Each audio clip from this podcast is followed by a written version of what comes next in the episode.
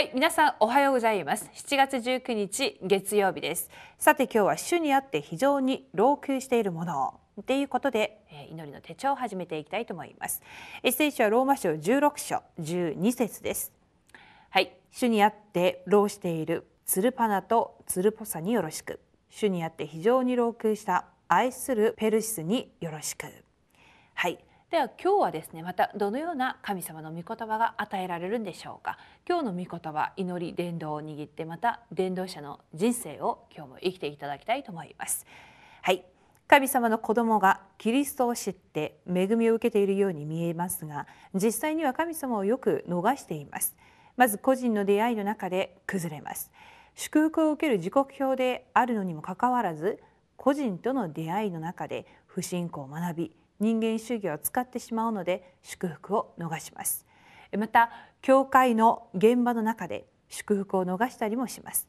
毎日神様の祝福を見つけ出すべきですが教会の仕事をする中で不信仰に陥ったり試みにあったりします。最後に社会に出ていけば神様はいないように感じられたりもします。はい、私たちの魂の中にどんなことが入っていくかによって人生がほとんども決定されてしまうんですがこのようにですね契約を握っているにもかかわらずまた祝福を十分に味わっていくにもかかわらずこのように不信仰や試みにあってしまうのが日々私たちの生活の中にあったりします。今日はですねまた新しい一日を迎えまして、え、不信仰を捨て神様の大いなる恵みをまた私たちが受けていかなくてはならないので、え、今日の3つの内容をもってまた絶対に今日私たちに必要な今日の御言葉を見つけていただきたいと思います。はい、では、え、大きな一番です。非常に老朽したもの。どんな老朽をどれほどしたのかは知りませんが非常に老朽したと記録されています。これが答えです。私たちが主にあって老朽したすべては恵みであり感謝であって内容を知る必要はありません。教会の仕事と社会の仕事は違います。教会の仕事はいくらたくさんやっても功労ではない恵みです。功労したという時にギリシャ語の原文にはとても疲れるほど老朽した、まあ、苦労したと表現します。福音に対する祝福を味わっていたので最善を尽くしたという意味です。私たちの老朽は小さなことに見えるのですが永遠にその名が残るのです。はい。神の子供として私たちに与えられた恵みそれはやっぱり一番大きな恵みといえば救いです。この救われたことは、えー、お金には値することのないほど大きな神様の賜物として与えられました。その神の子供になった私たちが与えられたそのただで与えられたものをそして十分にえただって言ったら表現がおかしいかもしれませんけれどもこれはもう自然とまあ当たり前かのようにこの福音運動のためにまた献身していくのは当然だと思います。なので主にあっての労苦また苦労するっていうことはそれは苦労ではなくそれこそ一番神様の恵みではないかっていうふうに思います。えではどうしてですねこのような献身していかなくてならない時代になっていたかローマ書16章の人々はどうして主にあってそれほど命を懸けてまた献身することができたか今日また見ていきたいと思います。はい、では大きな2番です。はい、3つの献身はい、それなら初代教会は一体何のために献身したのでしょうか？多くのことをしなくても初代教会はどのように答えを受けたのかを知らなければなりません。初代教会は福音が福音になることに献身しました。福音を言わなくても他の人が私を見るときにああこれが福音なのかと感じることが重要です。問題にあった時にイエスがキリストという事実を知ればその問題は解決され始めます。キリストがキリストになる日キリストが主人になる日現場には神様の働きが起きます。そして伝道が伝道になるように献身しました。伝道は持っているものを伝える証人です。最後に初代教会は命を懸けた献身をしました。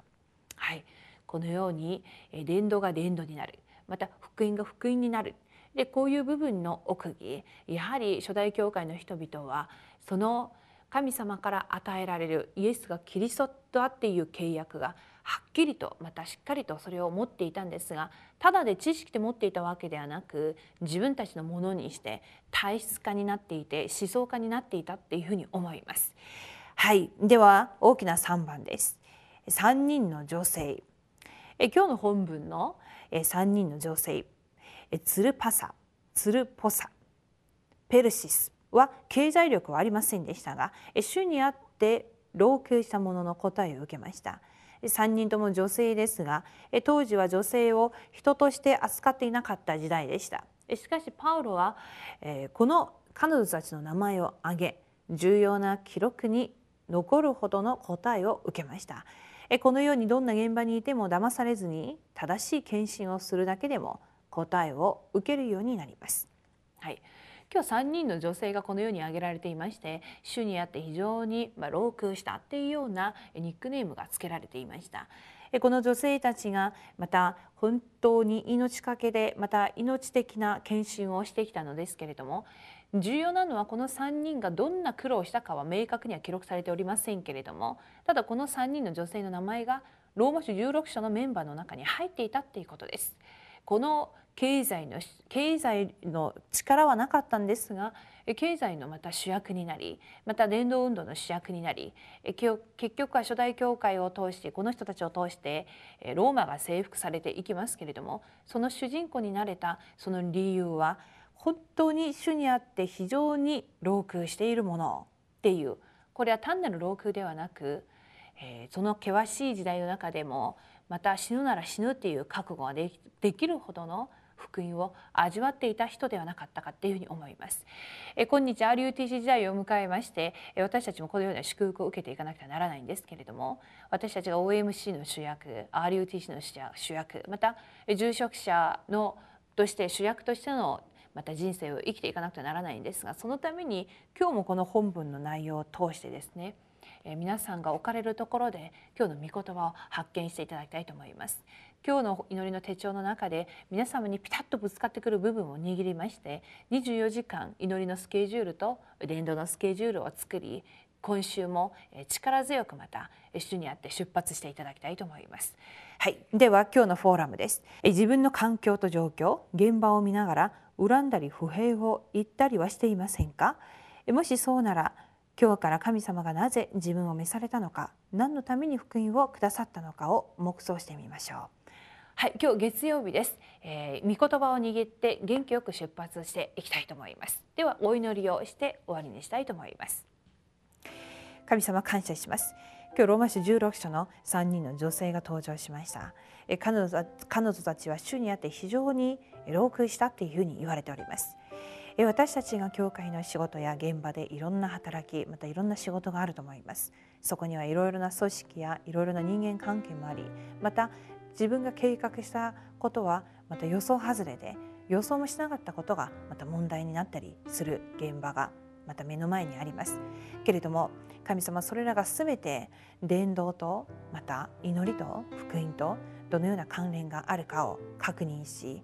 私たちがしているそれらの仕事が本当に主にあっての働きであるかどうかを確認してもしそうでなかったら今日の御言葉を通して本当にローマ書16章のこの人たちのようにもう一度主にあって全てを正していく一日になるように願います。1週間がまた始まりました。元気よく今日も契約にあって主にあってキリストにあって御言葉に満たされる1週間になるように願います。どうか伝道者の生き方を今週も生きることができるように願います。すべてを感謝して主イエスキリストの皆によってお祈りします。アーメン。